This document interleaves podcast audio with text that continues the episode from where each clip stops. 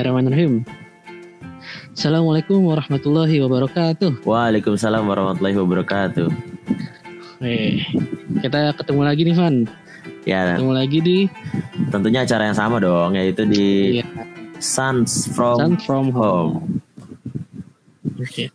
Nah, kali ini kita mau ngebahas apa nih Van? Ini kan udah deket-deket ini ya, yang namanya apa Hari Raya Umat Islam tuh Idul Fitri.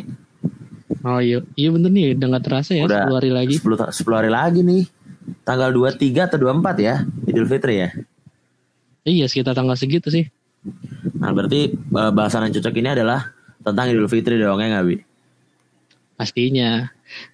Nah, di Idul Fitri sendiri juga pasti ada macam-macam pertanyaan nih kan di masa-masa sekarang nih. Kita lagi PSBB kan. Hmm, lagi, oh ya lagi PSBB juga. Mm-mm. Apakah masih sholat id atau enggak gitu-gitu kan? Pasti kan banyak yang nanya tuh. Iya benar. Terus juga buat memaksimalkan gimana sih nih di 10 hari terakhir Ramadan kan sayang banget nih kalau Hmm. nggak dimaksimalin. Jadi ya walaupun cuma di rumah tapi tetap maksimal gitu maksudnya Ramadannya ya nggak? Iya benar. Oh kita belum ngasih tahu temanya nih Bi. Ya judulnya nih Bi. Judulnya apa nih kira-kira Bi? Judul- Judulnya ada fitri-fitrinya Ya. nih. Judulnya itu kembali ke Judulnya kembali ke fitri. kembali ke Fitri. Cuman ya kalau kita yang ngomong kan nggak valid ya Bi. ya. Kita punya narasumber dong tentunya ya? Iya. Iya, kita punya narasumber yang pastinya selalu keren. Selalu selalu keren, selalu val- validitasnya tuh terpercaya lah gitu ya. Iya. Pokoknya pembicara relate banget lah sama materi kali ini nih. Terlihat terlihat. Siapa nih Bi bicara kita nih Bi? Langsung aja kita bacain CV-nya kali ya. Iya kali ya, tanpa menunggu-nunggu lagi. Iya. Ivan, Oke oke oke. Nama lengkapnya itu ada Ustadz Galuh Nadi Isnaini. Lahir di Jakarta. Tanggalnya nggak ditulis nih, Bi. Mei 1989. oh iya bener. Mei masih muda lah. Masih muda. Alamatnya di Pondok Kopi, Jakarta Timur. Pekerjaannya apa dia, Bi? Pekerjaannya, wah beliau nih owner dia punya punya usaha. Dari Tadi eh lihat di Instagram sih Pakuan Jayalas itu usaha itu loh Van kayak bikin tangga gitu, bikin eh Oh, ini furnitur ya? kali Apa namanya? Bukan? Iya. Oh, iya iya iya. Yang besi-besi gitu. Oh, desain desain. Oh, bagus-bagus ya Bi ya tentang apa? Kasur-kasurnya gitu. Ini iya, Gue juga lagi lihat nih, gila, keren, keren, keren, keren. mantap ya. Udah masih muda, punya usaha lagi. Wah gila. Bus bisnisman, bisnisman. Iya. Terus beliau juga lulusan UNJ pastinya. Pastinya. Lulusan S1 Sastra Inggris UNJ. Wih, Cuma kita kali ini nggak pakai bahasa Inggris kan? Enggak, enggak. Kasihan mendengar kita, Bi. Enggak semuanya ngerti. Lewat organisasinya, Bi, bacain, Bi. Lewat organisasinya Ketua BMJ English Department. Oh, Kak, BMJ Kak, itu apa sih, itu ketua ya? Eh, Iya. BMJ itu BMP kalau sekarang, Bi. BM jurusan. Oh, oh, BEM, oh BEM jurusan, Ah. J-nya jurusan. Terus juga udah pernah jadi ketua BMJ English Department, jadi ketua LPM. LPMP legislatifnya kan? Iya, Oh, legislatif. semuanya diambil ya sama Ustadz Pak Ustadz Galuh ini. Iya. Oh iya nih, tadi dapat pesan nih dari beliau. Katanya manggilnya jangan Apa tuh? Manggilnya aja. Abang. Iya, Bang Oke, aja Bang. Galuh. Iya. Terus juga pernah jadi kadep CRFSI. Oh, pernah ini juga nih dia Theater of English Department. Oh iya. Dia ih, keren banget ya pengalamannya Anak kaderisasi LDK juga. Sama anak scholarship unit di PKPU. Moto hidupnya Nah, nih ini keren yang paling keren nih. waktu hidupnya nih. Allah dulu, Allah, Allah lagi, terus. Allah terus. Gokil. Kan main. Ini kita langsung undang aja kali aja biar ini biar biar penonton juga nggak lama apa pendengar juga nggak lama gitu bi.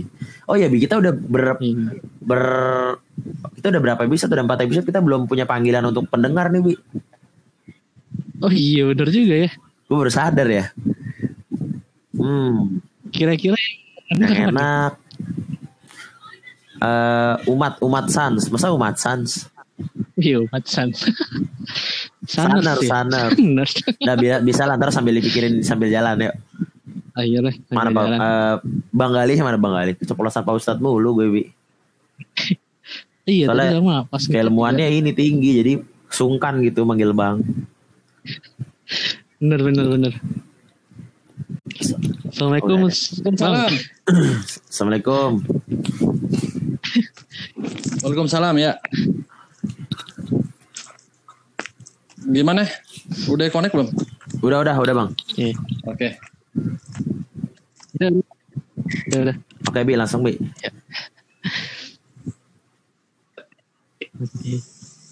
Iya, tadi Iya kita kabar. kita nanya kabarnya dulu kali ya. Bang Bang Nadi apa aja. nih Bang? Oh, Kira oke, Bang Bang. Galo apa Bang Nadi? Ya. Oh, Bang Nadi aja.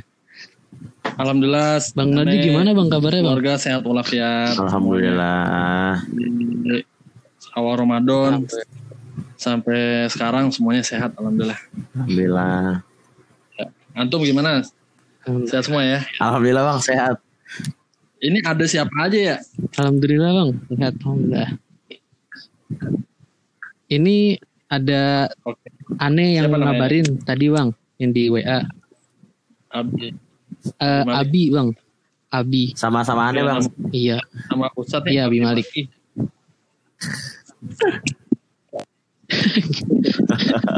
Doain aja Bang. Terus? Insyaallah. Eh, sama aneh bang Vandia.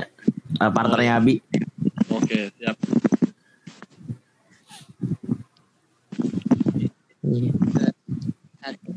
Oke, jadi eh, hari ini kita mau Tema bahas kita yang tadi bi tentang- kembali ke Fitri. gimana sih Hmm, tadi Hmm, tadi gimana sih cara memaksimalkan di akhir-akhir Ramadan ini? Eh, karena dikit lagi ke Idul Fitri kan? Gimana sih eh, biar Idul Fitrinya tuh benar-benar raih Gak kemenangan cuman lepas puasa doang tapi kemenangannya dapat gitu. Hmm, Oke.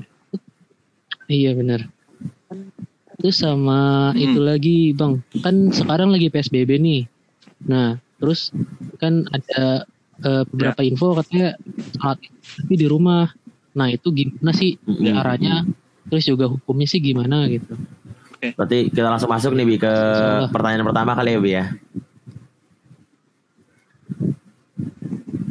iya boleh Oke, Bang. Iya. Sebelumnya ini dia record dulu ya. Nanti habis Hmm. itu baru di-share. Ah, Itu bener ya? betul betul bang. Oke, kalau teman-teman nanti mau iya bang uh, denger ini berarti dia dapat linknya dulu ya. Atau di akun di akunnya siapa? Di iya bang Oh gitu. Oke. nanti eh, Ini share yang link sans yang keberapa nih di bulan Ramadan? Mm. Di bulan? Ramadan yang kedua bang sebelumnya itu di Oh tanggal 4 sama siapa? tanggal Ngisi. 4 Ingat ya? Hmm. Wah, masya Sama Allah. Ustadz Adian Iya, iya. Husaini Masya Allah. iya kemarin tuh Itu Masya Allah. ilmunya Salah banyak satu banget Ustadz favorit aneh juga tuh ya. Biasa. Masya Terus Allah, masih Masya ada sans lagi atau enggak? nih Insya Allah kalau Hmm, kalau di bulan Ramadan sih ini? Dua eh, sebelum Ramadan sama dua yang sebelum Ramadan ya. ini bang jadi Oke. tadi Hmm. Ya. Hmm. Jadi yang pertama Ah. itu kita kan ada rasa nih bang, eh ada VIP-nya tuh. Nah jadi yang pertama itu untuk eh, opening rasanya. Hmm, Nah yang gitu. ini itu untuk closing rasanya nanti. Terus kemarin pas uh, sans yang pertama, Dokter Adian ini yang dengerin banyak gak? Bisa ketahuan gak sih yang dengerin? Oh bisa ketahuan ya, banyak yang udah dengerin. Bisa bisa. main sih alhamdulillah udah Aneh nggak tahu angka pastinya saya soalnya nih? dengerin doang nggak lihat ngeliat belum? Oh gitu, iya, iya. Oh, yang, ah yang megang yang udah. Tapi pemegang- laporannya oh, iya, lumayan yang alhamdulillah. Udah ada lagi. Akun khusus Tarbawi ya? Hmm, betul bang. Mm-mm. Apa namanya? Mau cari dong, Tar. Iya.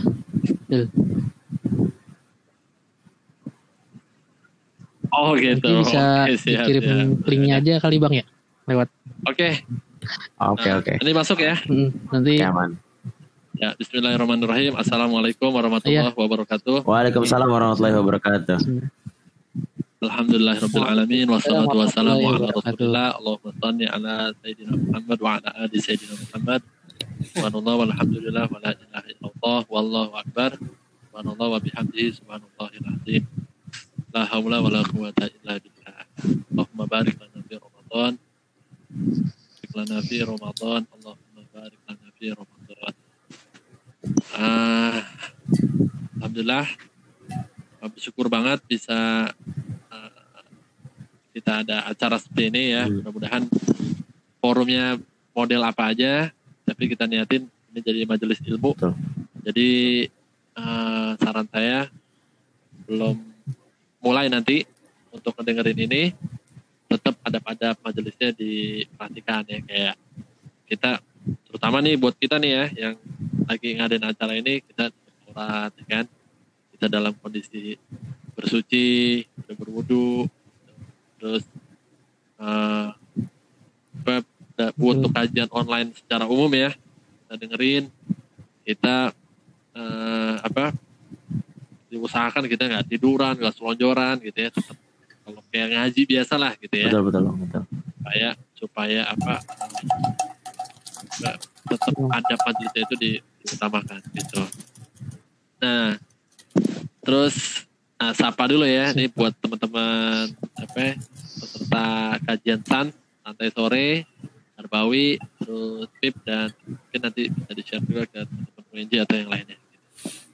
Nah sekarang kita masuk kita udah masuk di 10 hari terakhir bener ya? Betul betul. Andi sama siapa? ya? Abi ya? iya nih bener bang. Ah. Ya. Fandia, Fandia ya. Abi ya. Iya. Sama Kalau- Fandia. Kalau novel siapa nih novel? Novel Novel Bagian Bang Novel itu bagian Oh, record recordnya bang Nova. hostnya bang. Oh, Jadi record. Iya, iya. Oke, Eh. siap. Rika. Jadi kita udah di 10 hari terakhir, Masya Allah. Eh, mudah-mudahan apa bener-bener ini kita habis-habisan ya. Kalau aneh bilang di sini habis-habisan, all out ya. Kita cara-caranya jangan pakai cara-cara yang biasa-biasa aja. Di 10 hari terakhir ini harus benar-benar sesuatu yang nggak pernah kita lakuin di bulan-bulan sebelumnya atau di hari-hari Ramadan sebelumnya gitu. Jadi nanti aneh sampean ada tujuh poin mungkin ya Betul betul. untuk eh, apa program 10 hari terakhir di rumah ngapain aja.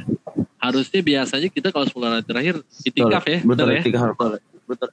Ah, kalau antum udah pernah itikaf belum? Di Oh iya bener. Kalau Oh, aneh antum angkatan berapa sih dulu ngomong? 19. SMA bener Iya, bang. Jadi 19, Bang. ada Oh, 19. Abi? 19 Waduh, jauh banget kita nih ya. 19 tuh sama. Jadi kayaknya kayaknya belum kayaknya belum pernah ketemu ya. Makanya Iya iya iya. Jadi biasanya nih kebiasaan Iya. kalau di UNJ itu ada ada ada itikaf ya. Ada itikaf di biasanya di masjid Baitul Ilmi, Light School. hmm, Uh itu momen yang sangat dinanti-nanti sama mahasiswa UNJ ya. Gitu. Jadi luar biasa gitu. Nah sekarang kita beda. Kita sekarang di kondisi Covid.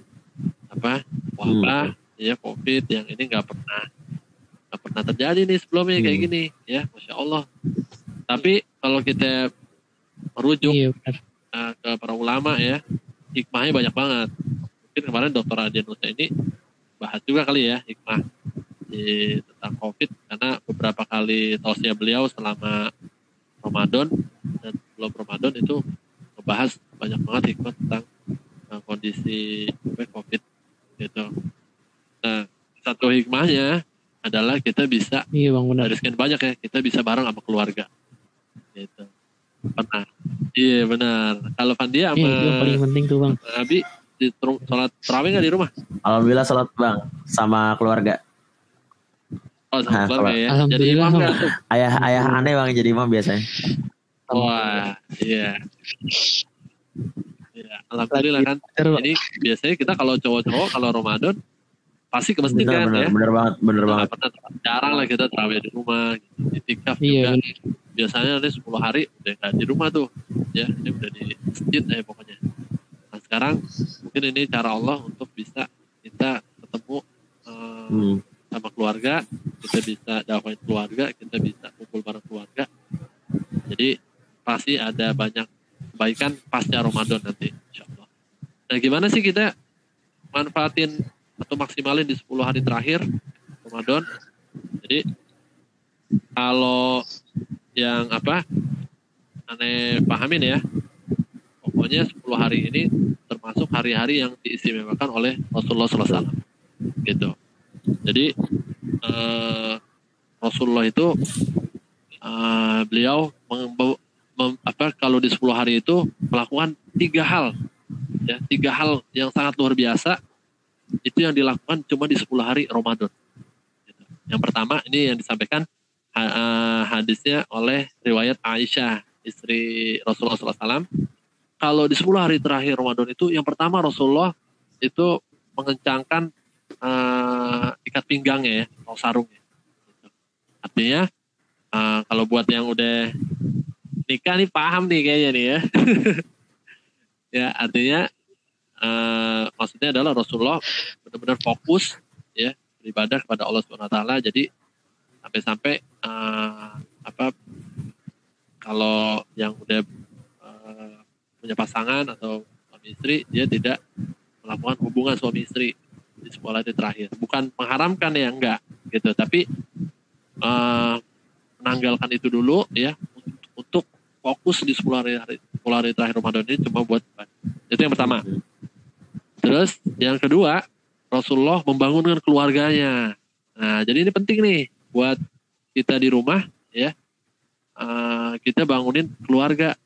Ya kalau memang udah bisa dikondisikan kita ajak keluarga bangun untuk pastinya sholat malam ya sholat malam atau ngaji malam ya. Biasanya kita kalau hari-hari biasa jarang ya. Aneh pribadi juga jarang lah ngaji malam-malam tuh bangun khusus untuk baca Quran tuh jarang. Paling banter menjelang subuh ya. Aneh kalau di bulan Ramadan jarang. Eh di luar bulan Ramadan jarang. Bangun jam 1, jam 2 kita untuk baca Quran. Wah kayak agak sulit. Tapi kalau di bulan Ramadan apalagi di 10 hari terakhir ini kayaknya harus kita lakukan gitu. Jadi yang pertama apa tadi? Ikat pinggang ya. Atau Gitu fokus ya. ibadah fokus Terus- ibadah. fokus pinggang lah pokoknya ya. Untuk fokus. terus yang membangunkan kedua, keluarga untuk sholat malam atau mengaji malam. Ya bangunin keluarga ya. Untuk sholat. Ya. bangun pokoknya bangunin keluarga. Nah, secara spesifik yang ketiga Rasulullah menghidupkan malam gitu.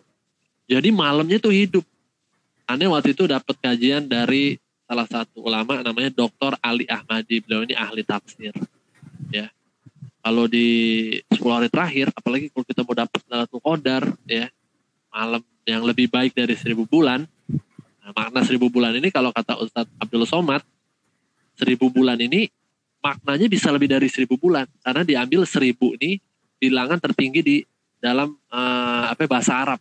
Jadi yang dipakai adalah seribu gitu ya, seribu. Tapi maknanya adalah bisa lebih dari seribu Hmm. bulan gitu. Ah, ah, jadi karena Jadi yang maknanya itu yang uh, bilangan terbanyak tertinggi itu, di- Bang, ya. eh, apa bahasa Arab itu adalah seribu ya.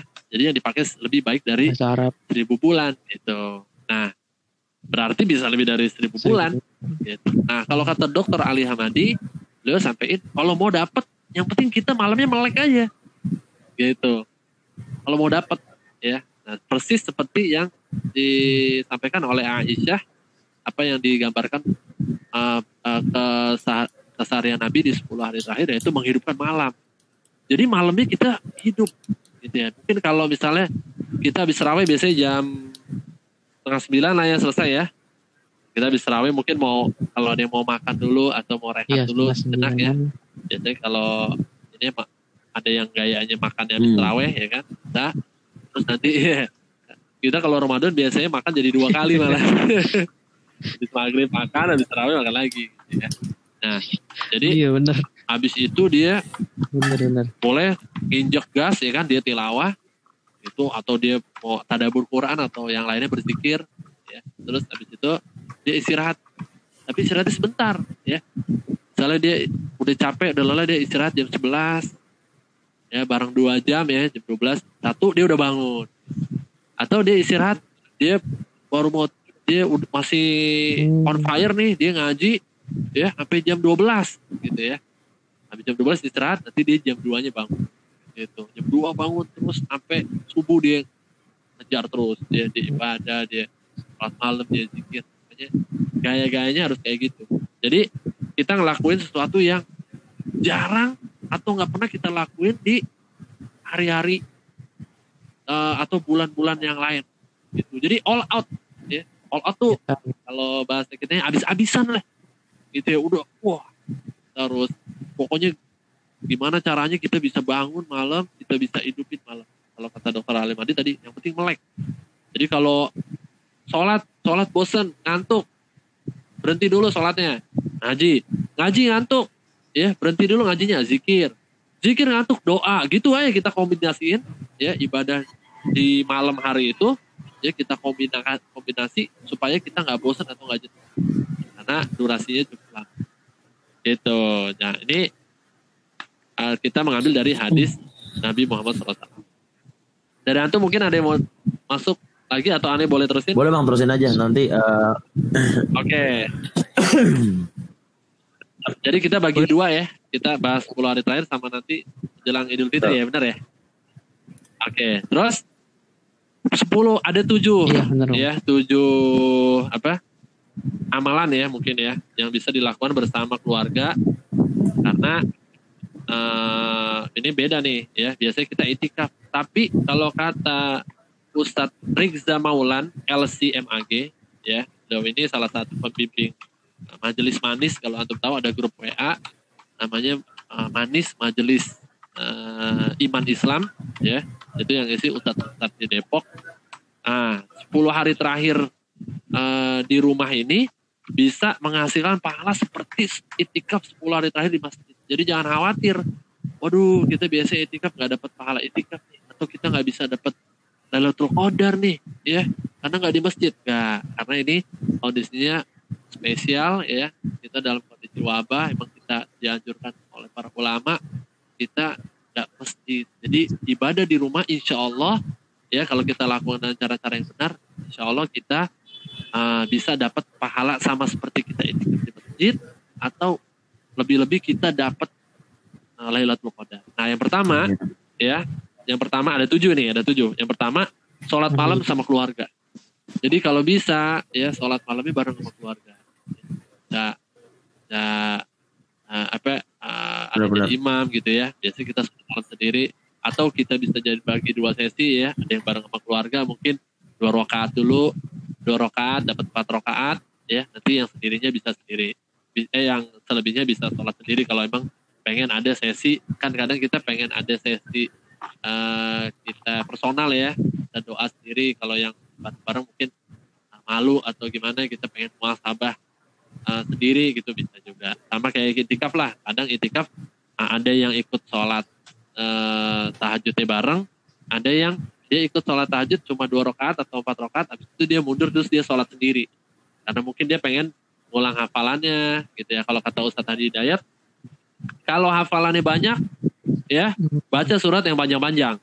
Jadi kalau kita, antum nih misalnya udah hafal surat Al-Mulk baca Al-Mulknya ya. Tapi kalau kita hafalannya sedikit ya. Mungkin baru hafal juz 30 tapi setengahnya dua ke bawah ya. Kita baca surat Alam Nasroh ya Al Insyirah ya. Kita baca nggak apa-apa ya. Tapi kita baca dengan pelan-pelan ya. Bismillahirrahmanirrahim. Alam Nasroh laka sadrak wa wada'na anka wizrak Nah, jadi pelan-pelan. Kalau surat-suratnya yang kita hafal pendek. Alhaakumut takatsur Hmm. hatta zurtumul maqabir. Terus yang paling pendek lagi yang biasa kita Hmm. baca al-ikhlas. Qul huwallahu ahad. Allahu samad. Nah, gitu. Jadi jangan cepet-cepet, kita ngerasain. Kecuali hafalan kita banyak, panjang ya. Kita tadi baca surat Al-Mulk. Kita baca agak lebih cepat nggak apa-apa. Tabarakalladzi biyadihil mulku wa huwa ala kulli syai'in qadir. Alladzi khalaqal mauta wal hayata liyabluwakum ayyukum ahsanu amala. Nah, ini panduan dari eh siapa? Ustadz Adi Hidayat nih kalau ini ada dapat gitu. Nah, jadi kita sholat harus ada eh apa? Doa khusus nih yang diajarin sama Nabi. Anda tuh, tahu nggak doanya? Pak? Yang 10 hari terakhir tuh kita diminta untuk banyak baca doa ini. Allahumma innaka Oh, Ya, tuhibbul afa fa'fu anna. Afu Ya, dari kalau dari hadisnya tuh Allahumma ya, innaka. Oh, fa'fu anni. fafuana. Nah, Oh, oh, itu buat sendiri. oh Tapi karena kita pengen apa Oh, ngajak nih nah, Iya, kalau sendiri. tuh maksudnya oh, ampuni kami berarti kita include dalam benak kita tuh kita include keluarga kita, bapak kita, ibu kita, Oh. adik kita, kakak kita, abang, bapak kita gitu. Jadi supaya semuanya dapat. hmm, Ah, ah, jadi keluarga lah buat keluarga kita jadi niat niatnya ini, banyak kita baca gitu ya ya ini, ini niatnya buat buat keluarga Hmm. gitu. Nah, aneh punya bahasan khusus nih untuk eh, apa doa ini Hmm. dari Ustadz Rofik beliau yang punya eh, Robani Press ya salah satu ustadz besar juga eh, pener- eh, banyak menerjemahin buku-buku apa dari Timur Tengah kitab-kitab dari Timur Tengah. Nah beliau sampaikan eh, apa makna doa ini sangat luar biasa ya. Ini ini kalau dikaji luar biasa. Jadi kalau dari terjemahan bebasnya ya Allahumma innaka afun ya ya Allah engkau maha pengampun ya tuhibbul afwa ya engkau suka mengampuni. Jadi Allah tuh suka mengampuni. Ya. Terus ditutup di closing dengan fa'fu anni atau fa'fu anna. Maka ampunilah. Kalau fa'fu anni ampunilah aku. Kalau fa'fu anna ampunilah kami. Kita bawa keluarga kita masuk ke situ ya. Jadi ya Allah engkau maha pengampun. Engkau suka mengampuni ya. Maka ampunilah aku atau ampunilah kami.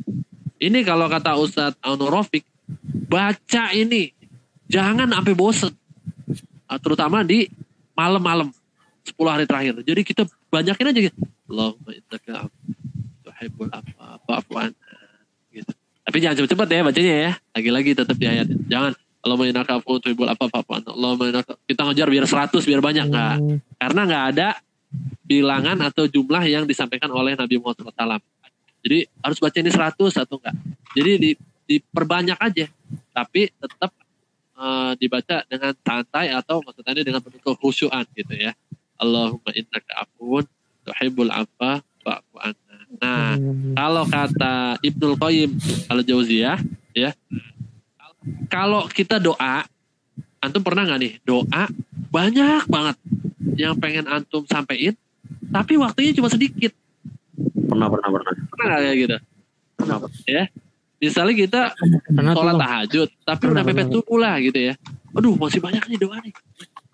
Nah kalau kata Ibnu Qayyim kalau kita doa waktu kita sempit tapi daftar keperluan kita hajat kita banyak banget gitu ya. Ada di hati kita nih aduh kita pengen nyampein pengen doain ibu biar berangkat haji pengen doa biar lulus pengen doa biar sehat pengen doa banyak banget deretan doa kita.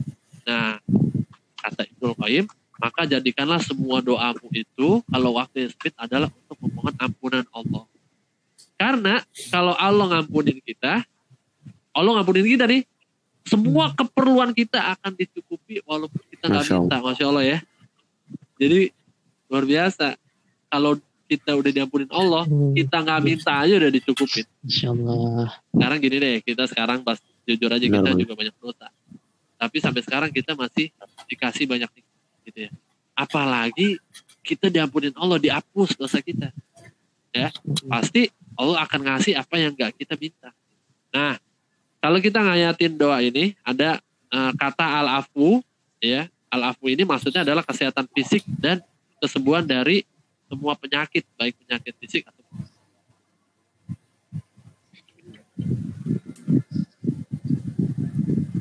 Toib ini bisa sembuh gitu. Jadi kita saranin kalau ada keluarga sakit, bangun malam di 10 hari terakhir baca doa ini, niatin supaya dapat sembuh, insya Allah bisa. Dan juga sakit mental, ya sakit mental itu apa ya? Tandi ya? Eh, apa? Kayak ini ya bang ya apa? Kecemasan berlebihan di sakit mental. ya? Ah, iya, penyakit-penyakit hati deh ya. Ah penyakit penyakit hati. Mas ada sampai takut istilahnya punya hutang ada sampai tertekan atau apa ya. Betul ada stres ada mungkin juga sakit iri hati dia gampang iri sama orang gampang hasad ya kalau ngelihat orang tetangganya beli mobil uh dia udah gondok ya kan gitu. Mobil ya kan gitu. Dia tetangganya pergi haji dia yang panas gitu ya orang seneng dia, dia malah kesel gitu. Tapi dia kalau orang susah dia malah seneng gitu kebalikannya ya. Itu SMS tuh namanya Oh, betul. susah melihat orang seneng senang melihat orang susah ini penyakit hati Iya Ya. benar benar benar benar. Nah, ini bisa diterapi lewat zikir Senang. atau doa yang Susah. diajarkan oleh Nabi. Hmm. Ya, Allahumma innaka afuwun tuhibbul afwa. Jadi sakit fisik atau mental bisa sembuh. Nah, kemudian mendapat ampunan dan pemaafan dari Allah ya nah, berupa penghapusan dosa. Gitu. Jadi dihapus dosanya Masya Allah. Nah, kita harus paham ya, ada dua makna. Atau pernah dengar kata makna makfiro nggak? Makfiro. Belum belum aneh belum bang. Nah, makfiroh, makfiroh itu artinya ampunan. Nah, kalau makfiroh itu mengampuni dosa, tapi kita di lembar catatan amal kita itu masih ada catat, tapi udah diampunin sama Allah dosanya. Gitu nanti ketika kita uh, berada di yaumul hisab ya, kita dihisab ya, kita ada catatan amal kan ya. Hmm, Nah, betul. di catatan amal itu dosanya masih ada. Ya. Tapi udah diampunin Allah. Tapi kalau makna afuun, Allahumma innaka afuun, ya Allah sesungguhnya engkau maha pengampun, ya. Kalau udah diampuni Allah, ya, berarti maknanya adalah dosanya dihapus dari catatan amal seolah-olah kita nggak pernah ngelakuin.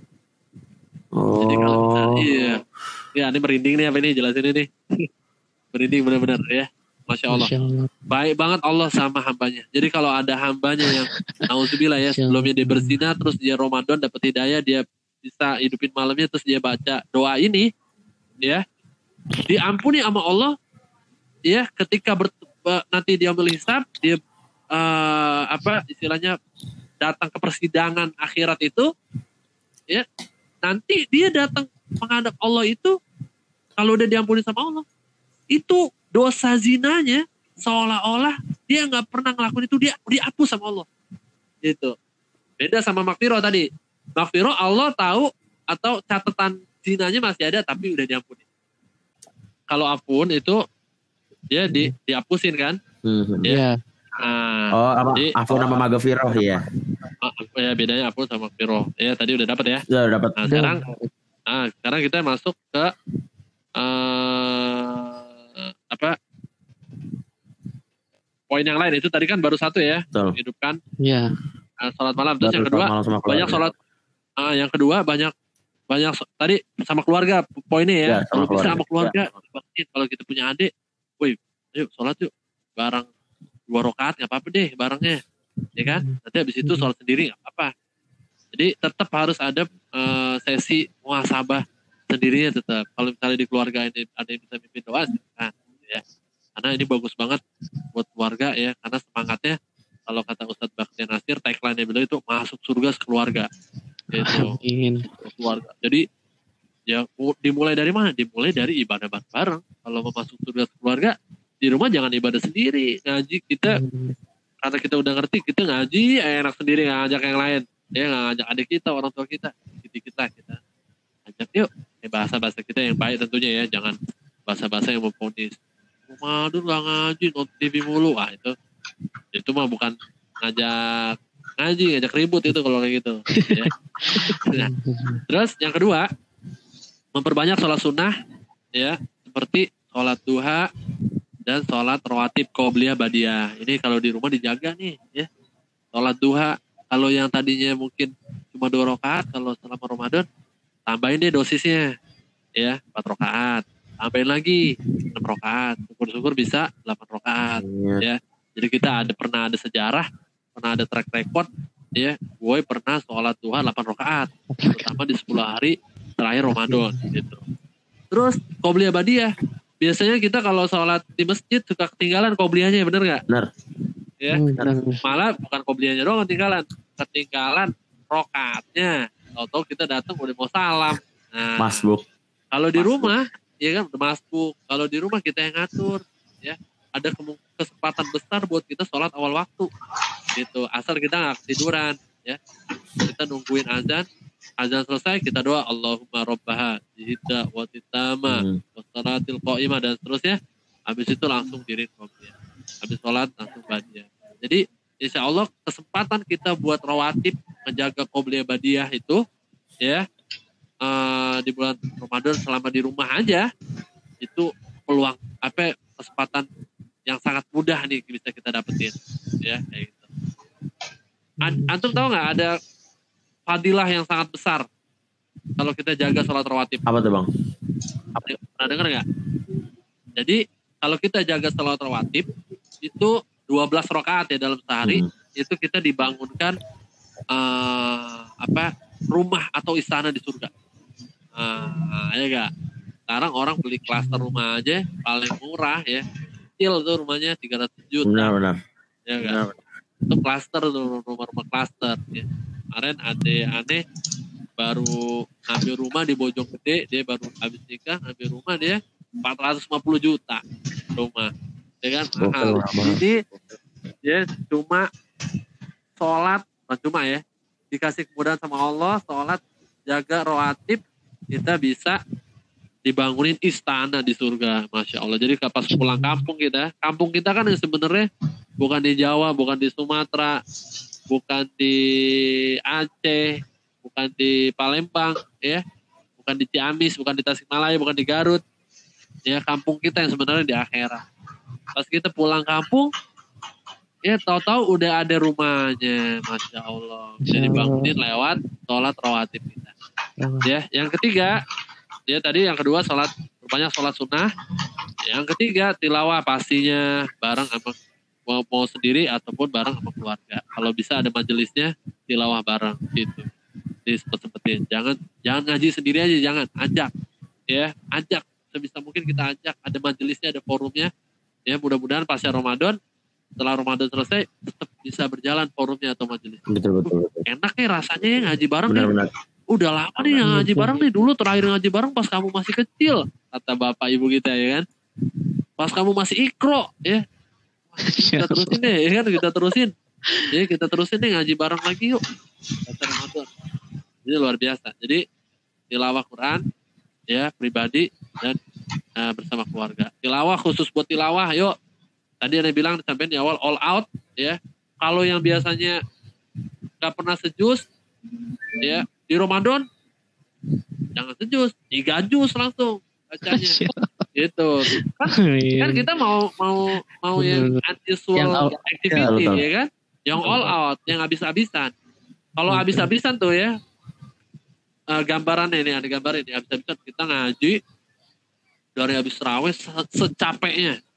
Ya gak? sampai kita udah nggak bisa melek lagi sampai kita udah nggak bisa keluar suara lagi bukan ketiduran ya. Kalau ketiduran nih misalnya kita lagi ngaji ketiduran. Terus kita bangun melek bangun lagi. Ya kan? Wah ini belum belum all out nih belum all out. Ketiduran cemen banget kita kalah gara-gara ketiduran doang ya kan? Nah jadi baca lagi kita targetin dari abis terawih mulai dari jam 9 sampai jam 12 istirahatnya setengah jam setengah jam atau istirahatnya pas selesai sejus jadi kita punya tagline ya sekali duduk sejus gitu. Ya gak? sekali duduk amin. Gokil. atau ja- Amin amin amin amin. amin. pantang selesai. Pantang istirahat sebelum sejus. Jadi istirahatnya nunggu sejus dulu. Nanti istirahat kita makan es krim dulu. Kalau di rumah ada es krim ya kan? Es buah dulu atau kita minum teh dulu. Udah selesai udah seger ngaji lagi geber lagi sejus lagi. Istirahat lagi geber lagi. Udah jam 12 kita istirahat. Malamnya bangun. Ya kan? Kita mulai dengan eh, sholat yang ringan. Habis itu hajar lagi ngaji. Jadi nggak biasa. Kita lakuin hal-hal yang nggak biasa gitu. Yang di luar nalar kita yang sebelumnya kita nggak pernah lakuin. Kita lakuin itu. Supaya jadi track record ya. Wih gue dulu pernah tilawah bulan Ramadan 5 juz ya nggak usah diomong-omongin ya. Alhamdulillah kita ambil statusnya enak juga rasanya tilawah 3 juz 4 juz ya di bulan Ramadan. Nah, nggak usah lah kayak gitu kan itu ngabisin pahala kita aja kalau kayak gitu. Ya terus yang berikutnya zikir. Nah baca zikir bareng sama keluarga. Kita kalau di ajaran kita kan ada zikir pagi ya. Kita kenalnya dengan istilah apa ya? al maksud Ya, atau ya? Oh, zikir pagi petang, zikir pagi petang. Nah, ya zikir pagi petang. Kita baca zikir pagi kita baca zikir sore. Udah ada banyak beredar lah ya. Nah, apa buku kecil itu atau atau di handphone juga down- download juga udah ada deh Hmm. sekarang ya. Kita baca zikir pagi terus eh apa ada muhasabah tadi. Ini yang kelima ya tadi keempat zikir zikir tepat ada dalilnya. Ya ayyuhallazina amanu kurullah zikran katsira wasabbihuhu bukratan wa asila. Ini di surat al-ahzab. Orang yang beriman zikron katsira zikir yang banyak. Wasabbihuhu bukratan wa asila di waktu subuh ya pagi ataupun waktu dalilnya. Zikir yang banyak gitu ya. Perumpamaan orang kata Nabi ya perumpamaan orang yang zikir tuh kayak orang yang mati orang yang zikir sama yang enggak itu kayak orang yang hidup sama yang kalau ang- orang mati ada harganya nggak? nggak ada. Nggak ada atau burung beo deh ya. Beo. Hmm. burung beo pas dia masih hidup ditawar harganya 20 juta. Oh dia nggak mau jual ya kan? "Eh, 30 deh. Aduh kata yang punya. Aduh jangan deh burungnya jago banget ngomongin nih beonya nih. Terus nggak lama kemudian burungnya mati. Nah yang tadinya nawar ditelepon. Jadi nggak nih mau buru-buru beo jadi deh yuk. Ada dia datang ke rumahnya kan? Mana burungnya ini? Kata yang nawar kemarin. Ya burungnya udah mati. Ya udah berapa aja deh terah ngapain beli burung udah mati ya kan? Jadi Iya. jadi nggak ada harganya. Nggak ada harganya gitu ya. Iya. Nggak ada harganya gitu. Nah perumpamaan itu sama kayak orang yang zikir. Orang zikir itu kayak orang hidup. Orang nggak pernah zikir nggak pernah ya sama sekali dia nggak pernah zikir nggak pernah ingat Allah nggak pernah ada subhanallah di lisannya alhamdulillah istighfar nggak ada. Nggak ada zikir lah pokoknya. Itu kayak orang mati. Karena kita berharga di sisi Allah tuh karena kita zikir gitu. Terus yang kelima itu keempat yang kelima muasabah ya maksudnya mungkin taubat ya. Kalau bisa bareng sama keluarga bagus banget ya. Gaya-gaya Agim tuh kalau antum pernah ikut kajian Agim Agim tuh terkenal dengan kajiannya yang di sesi terakhir kajian beliau itu selalu diisi dengan muasabah uh muasabahnya nyentuh banget ya. Kalau misalnya nanti selesai wabah nih antum ada kesempatan sama teman-teman ya ikutin kajian Agim di sesi terakhir itu Agim pasti punya uh, apa jurusnya beliau tuh ya karena beliau tuh terkenal dengan uh, apa manajemen hatinya atau kolbun salim ya. Jadi diaduk-aduk hati kita sampai kita nangis sahabat kita apa uh, inget dosa-dosa kita lagi. Nah muasabah maksudnya tobat kita ingat-ingat dosa kita. Ya ada hadis Nabi ya dari serangkaian hadis Nabi ada redaksi yang uh, apa ceritanya waktu itu Nabi lagi naik naik ke atas mimbar ya terus uh, di bis- uh, ternyata Nabi dapat kabar dari dari Jibril pas naik mimbar tuh kan mimbarnya ada tangga ya. Ya mimbarnya ada tangga. Nah, Nabi Nabi tuh bilang amin amin amin. Lagi naik tangga tuh amin amin amin gitu. Nah terus eh sahabat nanya dong apa nih Nabi? Kok Toto ngomong gitu ya kan? Doa gitu?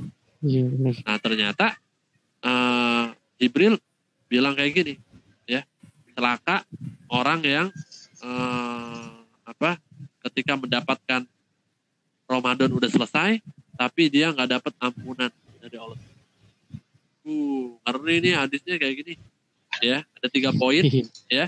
ada tiga poin itu di poin itu salah satu poinnya ya dari uh, serangkaian hadis itu salah satu poinnya adalah doa ya doa Jibril diaminin sama Nabi nah gimana tuh ya celaka orang Udah- yang yang apa yang kalau dia dapat Ramadan ampunan. udah selesai dia nggak diampunin sama Allah. Padahal Ramadan itu dibuka ampunan seluas-luasnya. Ramadan. Jadi amalnya nggak diterima, nggak diampuni dosanya. Ini kata Nabi orang kayak gini celaka diaminin sama Nabi. Ya, artinya orang berlomba-lomba dapat ampunan Allah. Nah ini pas Ramadan dia nggak dapat ampunan Allah. Ya. Apa yang menghalangi orang ini sampai dia nggak dapat ampunan? Pasti karena maksiat yang dia lakukan. Orang bulan Ramadan pada tobat, pada muasabah, ini Ramadan masih maksiat. Nah, ini yang ini nantang Allah ya. Setan aja dibelenggu, ya pintu neraka ditutup, ampunan dibuka luas-luasnya, dia masih maksiat. Ya, ini lebih dia benar kayak gitu ya. Lebih lebih setan. Ini dia masih maksiat namanya nantang, Hmm. nantang Allah, ya. Nah, jadi obat. Terus yang terakhir, ini kalau kata Ustadz Rizza Maulan yang tadi ya LSC MAG ya, tips supaya 10 hari terakhir Ramadan ini bisa maksimal, nyiapin tempat khusus di rumah buat kita ibadah. Kalau mungkin kan ya, kan ada tuh rumah yang rumahnya Ya, ada ada, musola kecil. musolanya, ya kan? Ada- atau ada kamar yang jarang dipakai atau kamar potong ya itu bisa dipakai buat ibadah. Atau ada tempat khusus ibadah ruang tamu di setting jadi musola bisa juga gitu. Jadi kalau bisa jangan di kamar. Kamar kita buat tidur atau apa. Hmm. atau kalau di kamar ada space khusus buat kita sholat gelar sajadah atau baca Quran gitu. Jadi ada tempat khusus. Kalau Ustadz Bakhtiar Nasir bilang ada mimbar ya ada mimbar di rumah beda feelnya kalau kita sholat atau kita ibadah kita punya tempat khusus beda. Kita akan punya mindset kalau di tempat ini khusus untuk gue ibadah. Gitu.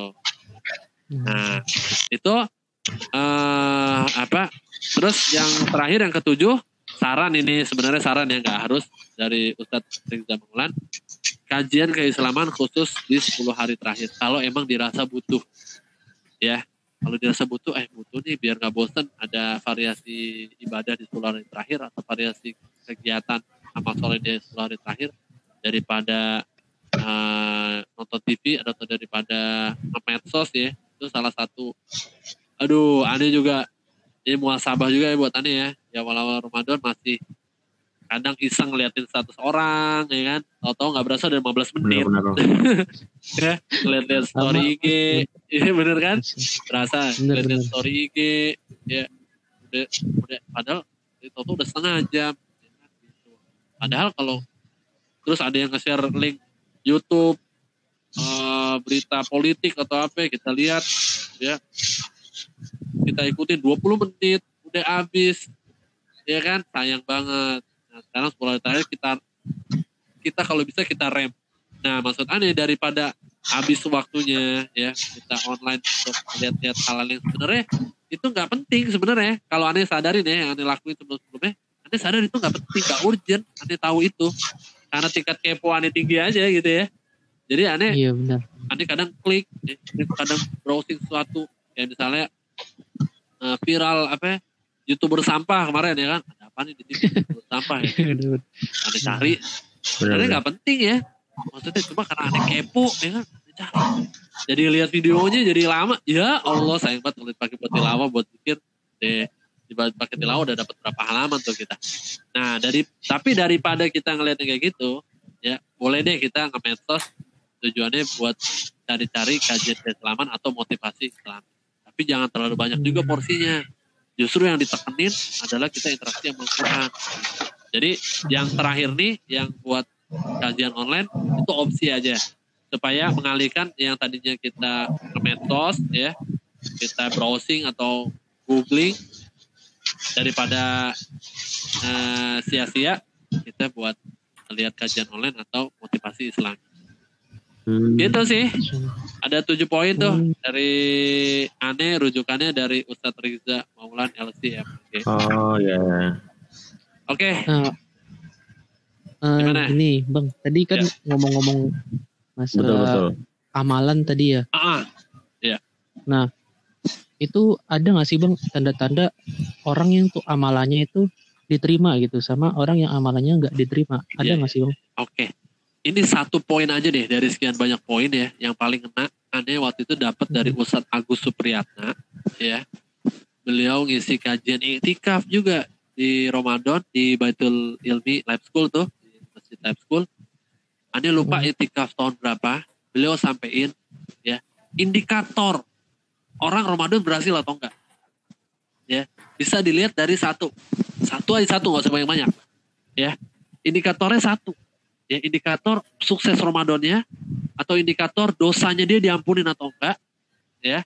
Dia dapat dapat apa dapat ampunan dihapus uh, dosa-dosanya sama Allah atau enggak itu adalah setelah Ramadan ya setelah Ramadan ya setelah Ramadan ya dia imannya atau amal solehnya ketakuannya meningkat amal solehnya dia lebih mudah lakuin ada perubahan pasti ada bekas jadi misalnya ya setelah pas Ramadan dia hidup sholat malam. Pas Ramadan bekas-bekasnya masih ada. Sholat malamnya dia rutin lakuin. Walaupun seminggu nggak tujuh hari full sih nggak. Dia lakuin tiga dalam seminggu dapat tiga malam. Dalam seminggu dapat empat malam. Kalau lagi capek mungkin dalam seminggu dia dapat dua malam. Jadi nggak seminggu bolong los gitu aja nggak. Ada bekasnya ada bekasnya ya. atau yang tak Ada bekasnya. ada bekasnya benar atau yang misalnya tilawah ya. Tadinya dia nggak pernah megang Quran. Tadinya dia ini orang jarang banget megang Quran. Kalau antum dan teman-teman tarbawi ya anak-anak FIB insya Allah eh, kita udah kenal Quran lah kita udah bawa Quran, ya. Ada orang yang nggak pernah megang Quran sama sekali ada. Nah setelah Ramadan ya dia megang Quran dia baca Quran. Dapat halaman tiga halaman ya walaupun sehari nggak sejus dia dapat dapat itu dia baca. Nah ini bekasnya ada nih. Ya berasa Hmm. Ramadannya. Sukses nih Ramadannya. Diampuni nih insya Allah nih cirinya ada nih. Ciri dia diampuni. Gitu. Jadi semakin mudah orang beramal soleh semakin mudah orang apa ya sholat sholat sunnah atau yang tadinya nggak pernah ke masjid pas Ramadan dia jadi ke masjid. Tadinya nggak pernah sholat subuh di masjid pas. Ramadan dia jadi sholat subuh jadi sholat subuh jadi seneng dia jadi seneng ke masjid. Jadi sholat subuh dia di masjid. Padahal sebelumnya nggak pernah dia ke masjid. Nah sekarang di dalam seminggu dia dapat tiga kali empat kali dia ke masjid sholat subuhnya. Berarti ini ciri berarti ini ciri dia dosanya diampunin sama Allah dan semakin Oh, begitu begitu. itu. Satu aja Hmm. satu aneh indikator dari sekian banyak supaya mudah ya. Adalah dia dimudahkan oleh Allah. Oh, gitu.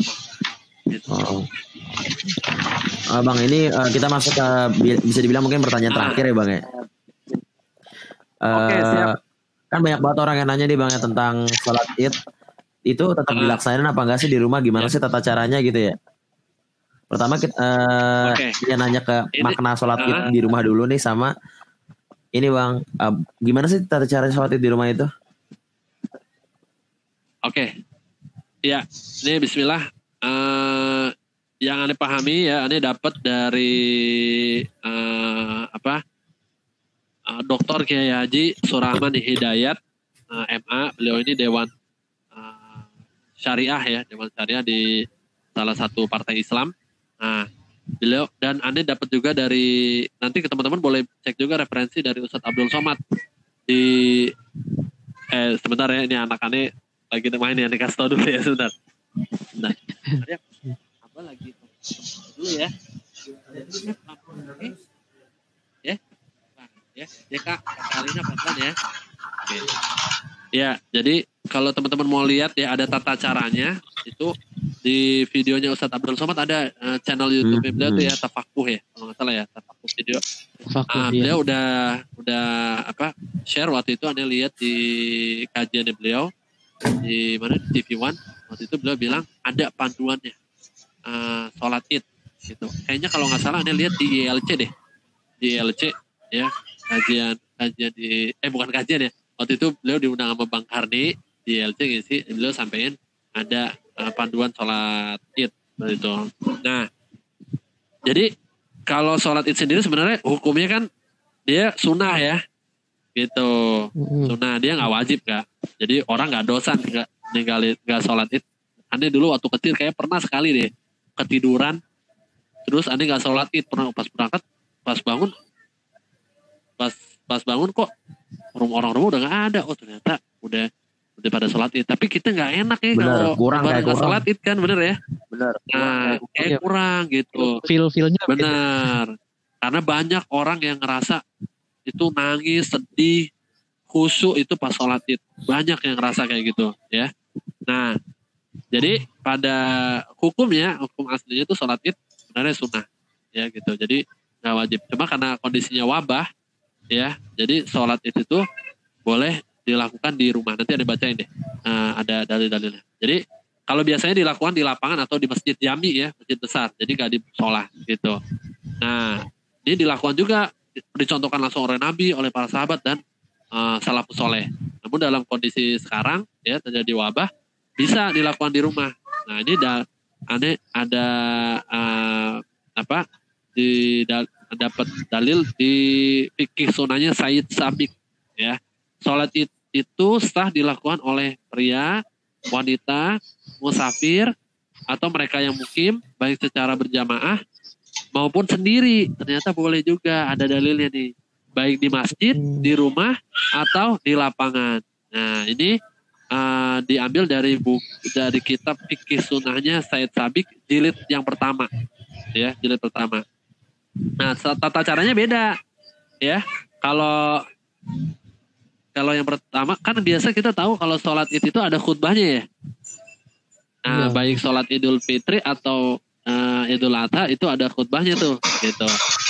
Nah kalau sholat id di rumah ini bedanya dia nggak ada khutbah aja gitu nah jadi yang pertama Oh, eh, dua rakaat tetap.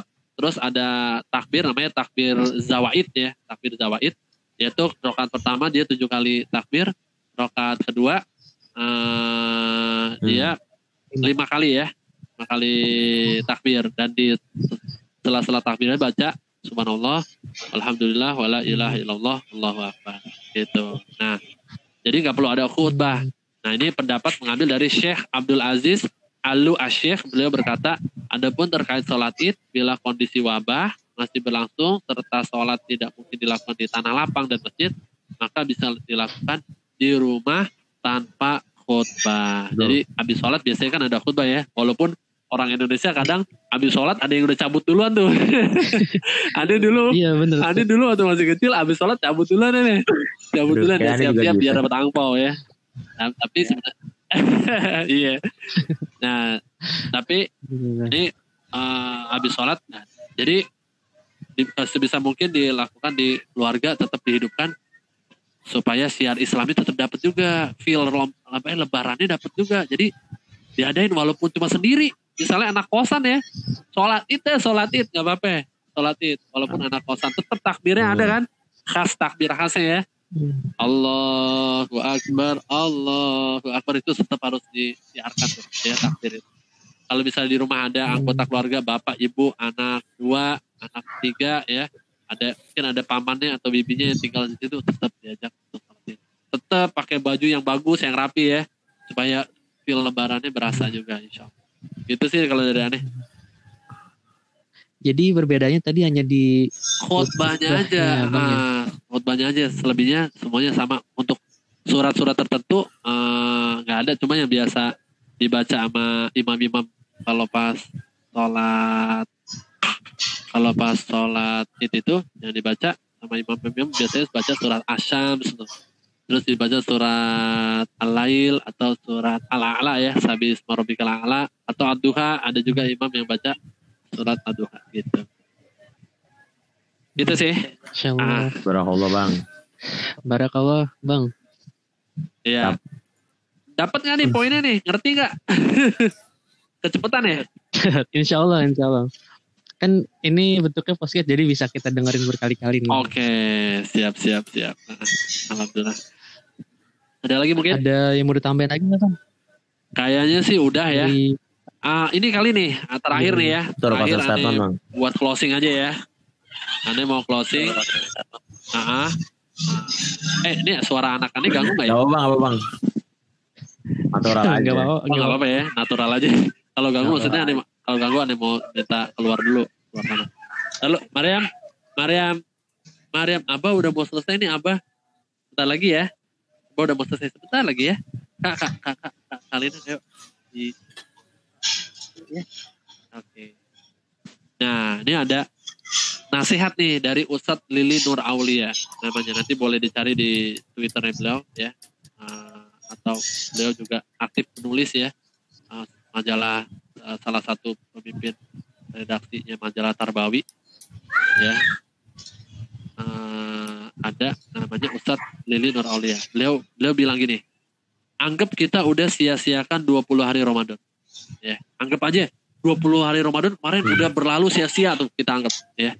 Jarang tilawah, tidak kiam atau enggak teraweh atau enggak sholat malam, banyak tidur, kita sibuk sama medsos, kita nonton film atau ngejar film, ngejar drakor selesai kan. Ya, dan lain-lain lah. Pokoknya anggap aja kita udah lewatin 20 hari sia-sia. Ingat ya, ada 10 hari terakhir Ramadan yang bisa memperbaiki hidup kita menjadi lebih baik dari seribu bulan. Gitu. Jadi masih ada nih sisanya. Ayo, yuk, yuk di, dikejar, diuber. Satu tagline buat kita semangat yaitu all out ya di 10 hari terakhir. Ramadan. Udah bisa udah masuk 9 hari nih, udah habis. Yang udah udah semalam malamnya udah yang semalam udah tuh ya. Udah lewat nih, jangan sia-siain nih, 9 lagi nih gitu. Jadi mudah-mudahan kita bisa maksimalin. Kurangin tidur. Pesan aneh, kurangin tidur, perbanyak melek, hidupin malam. Gitu. Supaya kita bisa Amin, sukses amin, terutama amin, dapat Lailatul Qadar. Insya Allah, insya Allah. Insya Allah. Ya. Ya Rabbal Alamin. Jazakallah khair Ustaz. Eh, bang, Ya. Afwan. Kebiasaan. Nah, jadi Eh, Bang Bang itu Nadi tadi ya benar. dari Bang Kita dapat insight banyak banget ya Bi. Sultan Bener. dari untuk Yang maksimalnya tuh itu kayaknya berguna banget nih Bi buat kita kita Bi khususnya buat diri sendiri ya Bi ya. Benar buat reminder diri sendiri. Iya benar buat reminder diri sendiri sih khususnya. Iya. Hmm, karena Mungkin itu aja kali, Bang. Nih, kita biar udah mendekati pengen Mau buka ya? Iya, mungkin cukup kita eh, kasihan juga kan. Bang Nadi mau buka juga. Iya benar. Oke, siap. Makasih banyak ya Abi, Pandia sama Noval nih yang Sama-sama, udah yang udah fasilitasin nih. Alhamdulillah. Iya, iya. Iya Bang. Anep, Sama-sama Bang. ah, Apa-apa, pamit ya. Apa mau ditutup Siap. dulu? Apa? Oke, ya udah Anep pamit ya buat teman-teman PIP, Tarbawi, teman-teman apa peserta kajian Sans. Mudah-mudahan Amin. Ramadan amin. ini kita diampuni Amin, Allah Subhanahu wa taala. Keluarga kita juga insya Allah ya. Amin, amin. Oke, makasih banyak ya. Amin, Semoga amin, berkah. ya. Mudah-mudahan antum semua keluarga sehat ya. Waalaikumsalam warahmatullahi Ya, wabarakatuh. assalamualaikum. Waalaikumsalam. Oke. Oke. Ya, itu tadi Betul. dari Keren-keren banget. Bicara kita yang keren, Evan ya. Banyak banget tadi insight-nya. Oke, karena udah menjelang berbuka, kita harus ingin tutup. Dan jangan lupa Betul. untuk dengerin Sama yang sebelumnya tuh kalau ada yang lupa insight-nya tuh bisa dengerin ulang gitu, Bi. Nah. Betul, betul, betul. Iya, benar-benar, benar banget itu. Dan sebelum Tetap penutup di seperti rumah, biasa, jaga kesehatan. tetap di rumah, jaga jarak keluar Hmm. benar. Kalau mau keluar pakai masker Pada bulan dan Ramadan ini. yang terpenting Oke. maksimalkan 10 hari Ramadan ini. Langsung aja kita eh, cabut gitu ya. Kita tutup kan? Oke.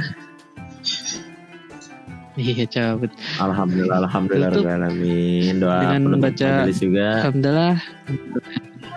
Ya, doa la ilaha illallah anta astaghfiruka wa atubu. Lebih kurangnya dari kita mohon maaf. Assalamualaikum warahmatullahi wabarakatuh.